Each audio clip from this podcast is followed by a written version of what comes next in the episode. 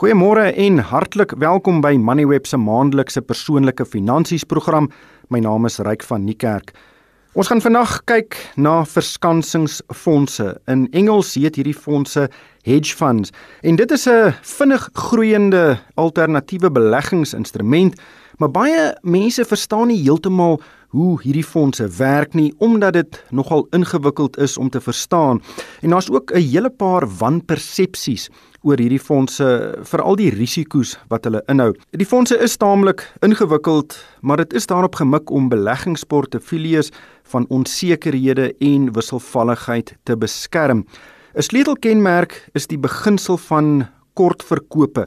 En dit is tipe transaksies waar die fonds winste verdien of geld maak as 'n aandeel of 'n ander beleggingsinstrument waaraan hierdie fondse gekoppel is, se pryse sou daal. Op die lyn is Jean-Pierre Verster, hy is die uitvoerende hoof van Protea Capital Management. Hy het 'n paar jaar gelede naam gemaak toe hy die aandele van Steinhoff en African Bank kort verkoop het, kort voor hierdie maatskappye se aandelepryse in duie gestort het. Jean-Pierre, baie welkom by die program. Kom ons begin by die begin. Wat presies is 'n verskansingsfonds En hoe verskil dit byvoorbeeld van 'n gewone effekte trust? Hallo Ryk. Ja, 'n verskansingsfonds is 'n fonds wat van die hefboom effek gebruik maak. Nou die hefboom effek impliseer dat die fonds kan blootstelling neem wat nie deur 'n tradisionele fonds geneem kan word nie. En die hoofmetode hoe daai blootstelling geneem kan word is deur die proses van kortverkoop.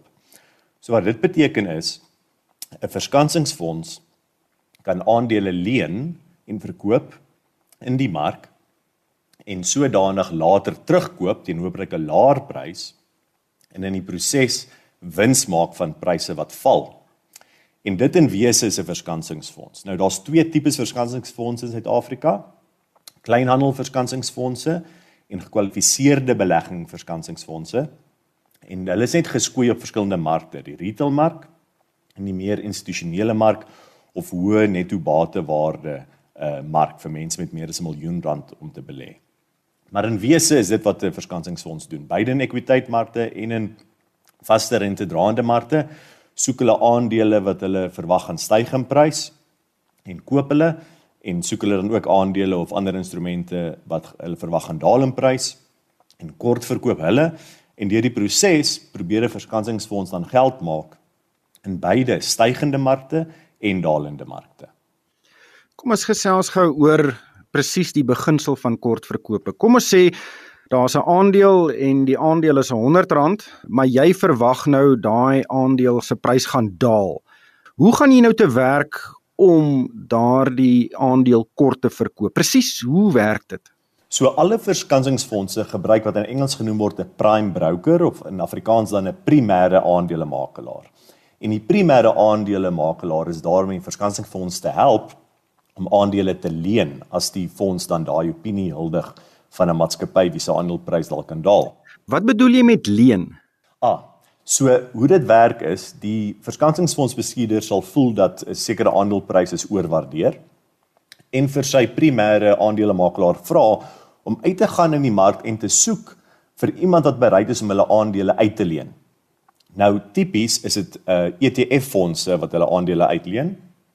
So ook ander institusionele beleggers soos pensioenfondse wat weet dat hulle oor langtermyne houer van 'n aandeel gaan wees.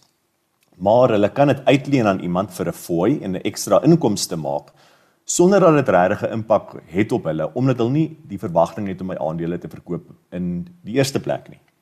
So deur 'n primêre aandelemakelaar is daar 'n groot mark wat genoem word die die aandele leningsmark wat nie in die mark regtig uh, in in die in die kleinhandelmark bekend is nie.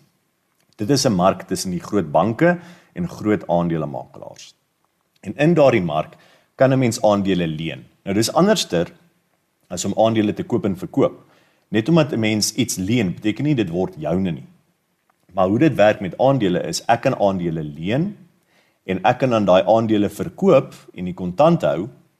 Maar op 'n stadium moet ek natuurlik daai aandele teruggee by wie ook al ek dit geleen het. Maar dit is die meganisme hoe mens kort verkoop. Mense leen aandele deur die primêre aandelemakelaar. Mens kan dan daai aandele in die mark verkoop. Natuurlik met die verkoop van aandele word kontant gegenereer Daai kontant kan 'n mens dan hou en 'n groot deel van die kontant moet gebruik word as sekuriteit vir die aandelemakelaar vir die feit dat 'n mens aandele geleen het. Maar eers in die toekoms moet 'n mens daai aandele weer teruggee aan die aandelemakelaar. So mense sal dan weer jou kontant gebruik van die verkooptransaksie in die eerste plek later aan om die aandele terug te koop. En natuurlik wil 'n mens hê dat die aandeleprys moet laer wees sodat mens minder van jou kontant gebruik. En derhalwe die verskil, die kontant wat oorbly in die verskansingsfonds se eie sak kan steek. En dit is dan die metode hoe 'n mens kort verkoop deur middel van aandele leen, verkoop in die mark en later terugkoop. So ons het nou ons aandele is R100, jy gaan leen daardie aandele nou iewers, jy verkoop dit, jy sit nou die kontant eenkant en nou sak die aandeleprys tot sê R80. En dan gaan koop jy weer die aandele teen R80 en dan steek jy daardie R20 wins in jou sak. Presies. En dit is hoe mense dan geld maak vir die verskansingsfonds beleggers, deur hooplik as 'n mens dit uh, 'n paar keer kan doen in 'n ry uh, en 'n portefeulje benadering toepas is daar 'n klomp sulke maatskappye wat mense kan kort verkoop, 'n paar rand maak en dit help dan as daar 'n algemene verlangsaming is in die aandelemark en meeste ander fondse verloor geld dat 'n verskansingsfonds het die potensiaal dan om geld te maak of ten minste om die portefeulje se waarde te beskerm deur geld te maak uit aandele wie se pryse daal. Is dit nie baie riskant nie? Wel, ryk dit is riskant in die konteks daarvan dat as mense aandeel koop en jy's verkeerd, dan kan jy net verloor wat ook al jy ingesit het. Noem dit die prys van die aandeel. As ek 'n aandeel koop teen sê net maar Steinhoff teen R90, is al wat ek kan verloor R90. Maar as ek 'n aandeel kort verkoop, is my verliese onbeperk. Want 'n aandeel het nie 'n plafon waar hy nie verder kan styg nie. So as ek byvoorbeeld 10 jaar terug Naspers aandele kort verkoop het teen R100, dan het ek nou 'n probleem gehad want Naspers is al 20voudig hoër as 'n R100. So ek kon 20 keer die aanvanklike waarde van die belegging verloor deur kort te verkoop. En dit is hoekom histories is verskansingsfondse wat gebruik maak van kortverkope nie beskikbaar aan die publiek gestel nie as gevolg van hierdie risiko. Maar wat verander het die afgelope 3 jaar is daar sekere beperkings ingesit.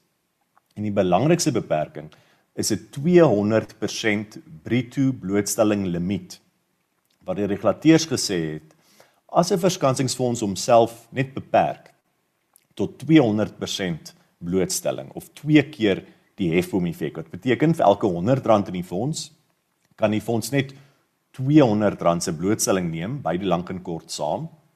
Dit word gesien as matige hefboom. En as dit sodanig onder daai limiet is dan mag die fonds aan die publiek uh, bekend gestel word en oopgemaak word vir belegging. Want dan is daai risiko nog steeds hoër as gemiddeld, maar nie so hoog dat dit gevoel was dat kleinhandelgeld nie in die fonds belê kan word nie. En dis waar ons nou is. So hefboom of in Engels leverage kan gevaarlik wees, maar kleinhandelverskansingsfondse gebruik net mildelike hefboom effek met 'n maksimum van 2 keer blootstelling.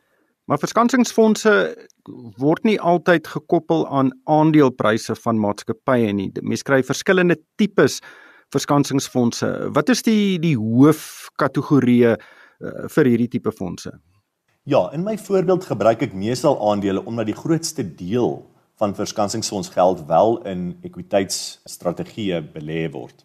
Aandele wat lank kon verkoop word. Maar dit is nie al instrumente wat verskansingsfondse gebruik nie. Dis die grootste deel.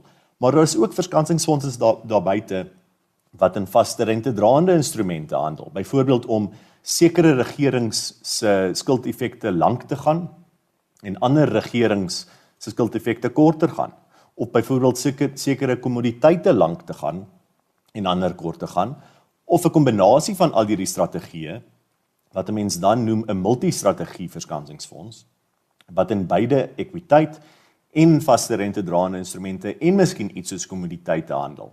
So dit is belangrik om te noem dat verskansingsfondse is nie homogeen nie. Verskillende verskansingsfondse doen verskillende dinge. En om die publiek te help om te kan verstaan in watter kategorie 'n verskansingsfonds val, het Assisa, dis nou die assosiasie vir uh, besparing in Suid-Afrika, uh, 'n sekere klassifikasiestandaard bekend gestel laat laas jaar om te sê dat kom ons klassifiseer verskansingsfondse. En daai klassifikasie is as volg. Die eerste vlak is mens kry soos ek genoem het kleinhandel verskansingsfondse en dan gekwalifiseerde belegging verskansingsfondse vir jou meer uh, institusionele mark. Die volgende vlak is waarin handel hierdie verskansingsfonds? Is dit ekwiteit? Is dit vaste rente draende instrumente of is dit ander? En die derde vlak is waar word hierdie instrumente gehandel? Is dit binne Suid-Afrika? Is dit globaal? Dit beteken buite Suid-Afrika? Of is dit buite binne en buite Suid-Afrika? En dit is dan wêreldwye fondse. En op daai drie vlakke kan 'n mens dan uh, verskansingsfondse klassifiseer in terme van uh, hoeveel risiko hulle neem, waar hulle verhandel en waarin hulle primêr verhandel. Jean-Pierre, vaste inkomste fondse is baie interessant. Uh, ons het nou gesien daar was skerp rentekoersdalings die afgelope tyd en dit het die opbrengste op baie vaste inkomste beleggings eh, dramaties verlaag. Eh, wat watter tipe opbrengste kan 'n mens kry uit 'n vaste inkomste verskansingsfonds en wat is die risiko wat daaraan gekoppel is? So ek gaan weer eens die punt maak om te sê dat verskansingsfondse is nie homogeen nie. So as 'n mens voorbeelde noem van hoe sekere verskansingsfondse genoem gedoen het in die verlede, beteken dit dat daar noodwendig 'n uh, 'n aantal verskansingsfondse sal wees wat beter gedoen het en verskansingsfondse sal wees wat slegter gedoen het. Nou in die vaste rente draende kategorie die afgelope jaar ehm um, het die beste verskansingsfonds in die vaste rente draende kategorie 27% gelewer. En dit is wesentlik bo gemiddeld. Weereens alle uh, opbrengste van verskansingsfondse word altyd nafooie genoem. Ook as mens kyk na die feiteblaaie wat jy kan sien op die webblaaie van die verskansingsfonds bestuurders is daai opbrengste altyd na kostes. So 27% was die beste uh, vaste rentedraande verskansingsfonds oor die afgelope jaar, maar die slegste een het minus 11% gedoen. En dan was daar 'n hele paar natuurlik tussen 27 en minus 11. En dit is nou syfers tot die einde van uh, April 2020, die einde Mei syfers is nog nie uitgereik nie.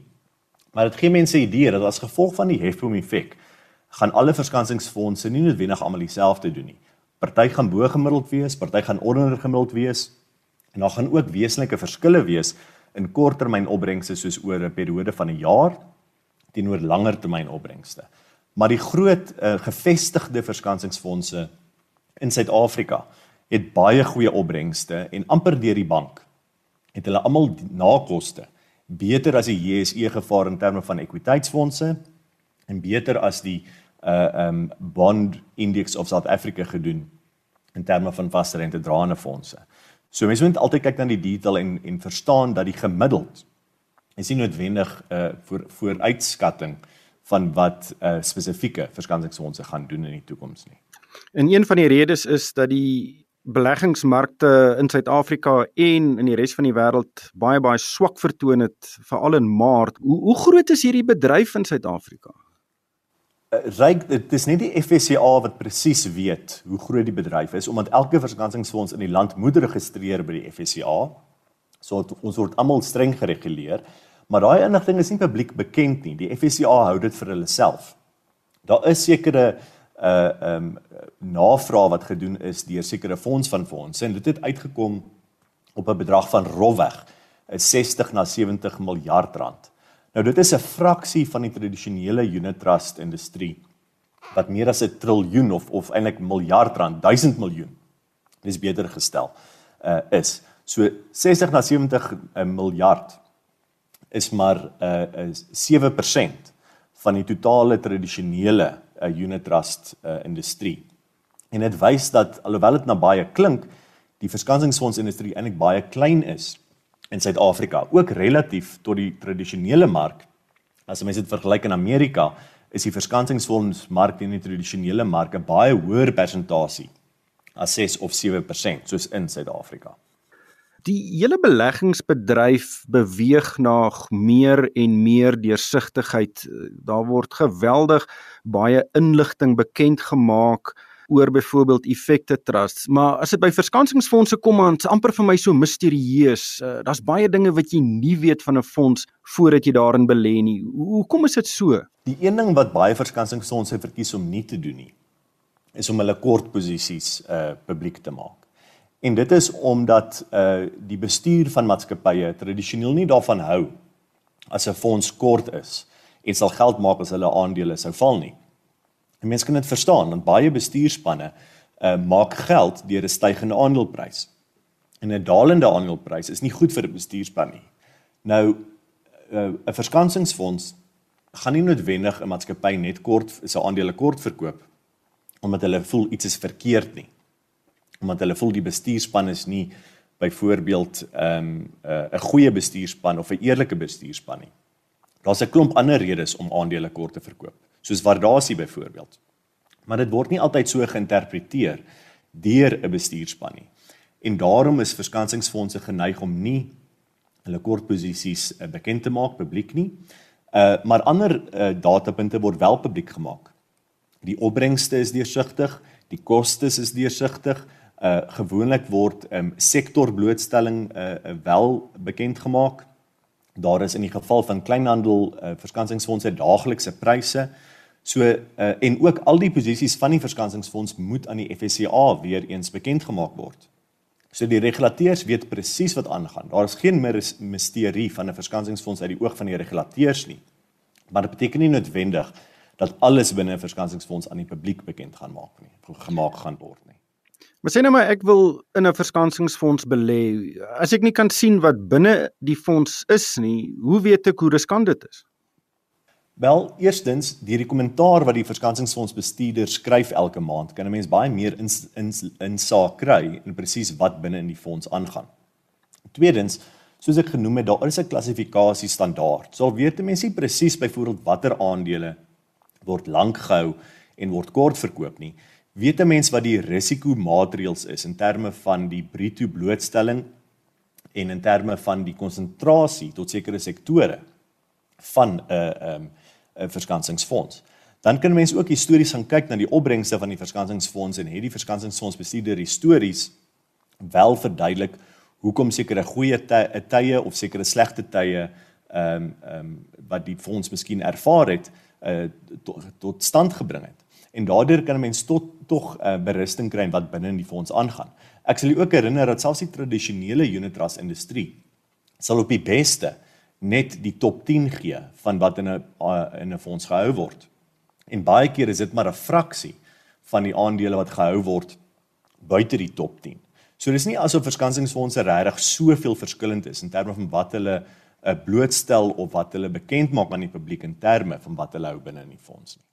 Watter tipe beleggers moet hierdie verskansingsfondse as 'n beleggingsopsie oorweeg?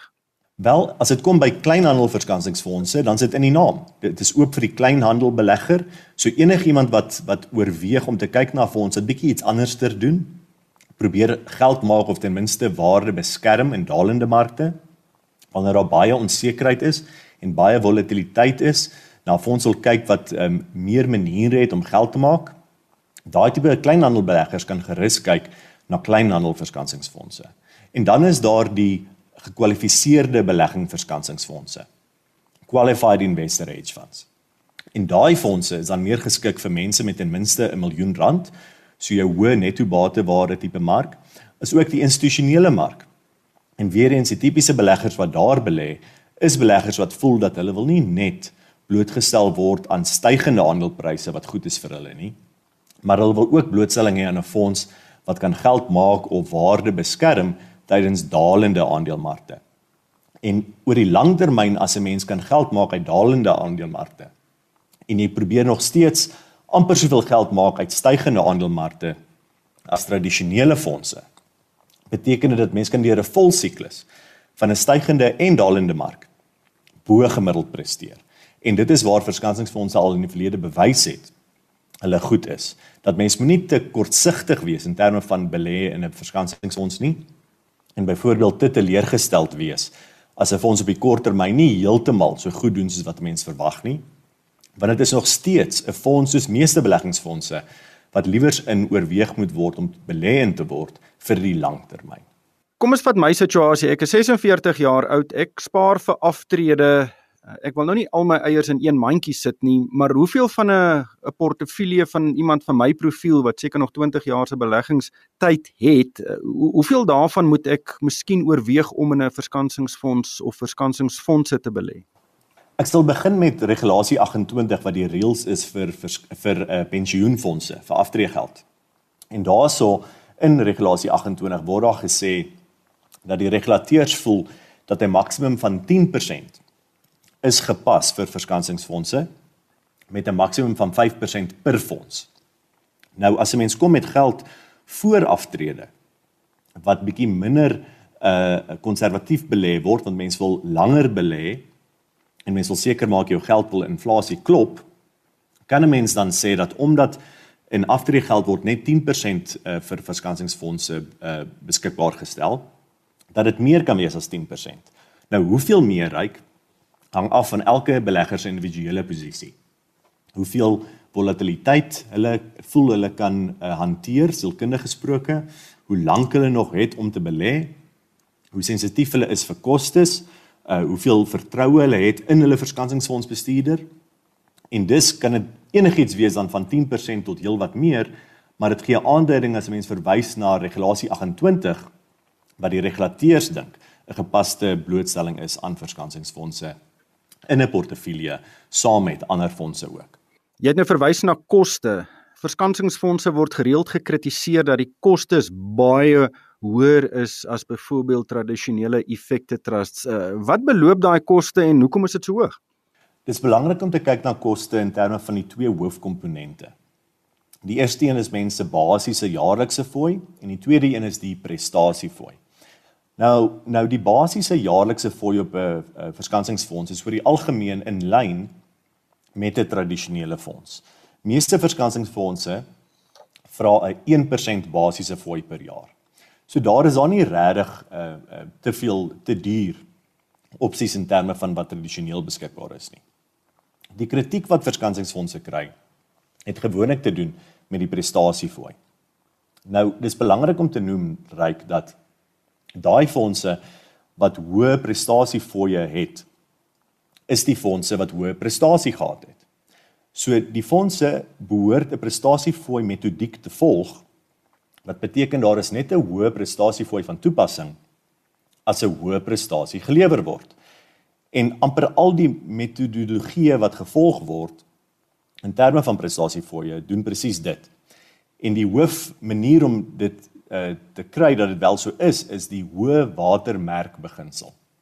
En wat dit beteken is as 'n verskansingsfonds baie goed doen en derhalwe 'n prestasiefooi uh, aftrek van die belegging af en na dit weer swak doen dan moet die fonds weer die die gedeelte van die prestasie wat swak was opmaak dat die fonds weer kom by die vorige hoogtepunt die hoë watermerk voordat die fonds weer 'n prestasiefooi kan hef So prestasiefooie op hulle eie is nie noodwendig goed of sleg nie. En 'n goed ge uh, gestruktureerde uh, prestasiefooi maak seker dat die fondsbestuurder se belange is in lyn met die belegger se belange. Sodat net wanneer hoë opbrengste gelewer word, 'n hoë prestasiefooi afgetrek kan word. En sodoende beteken dit dat alhoewel in tye wat daar hoë fooie is, mense ongemaklik is met die hoë fooie, moet dit in ag geneem word dat dit beteken dat die belegger het na fooie ook 'n boogemiddelde prestasie verdien. Jean Pierre, dankie vir jou tyd vandag. Ons sal daar moet haltroep. Dit was Jean Pierre Verster, hy is die uitvoerende hoof van Protea Capital Management. Luisteraars is welkom om vir my 'n e-pos te stuur. My adres is ryk@moneyweb.co.za. En daarmee moet ons groet van my Ryk van die Kerk en die Moneyweb span. Dankie vir die saamluister.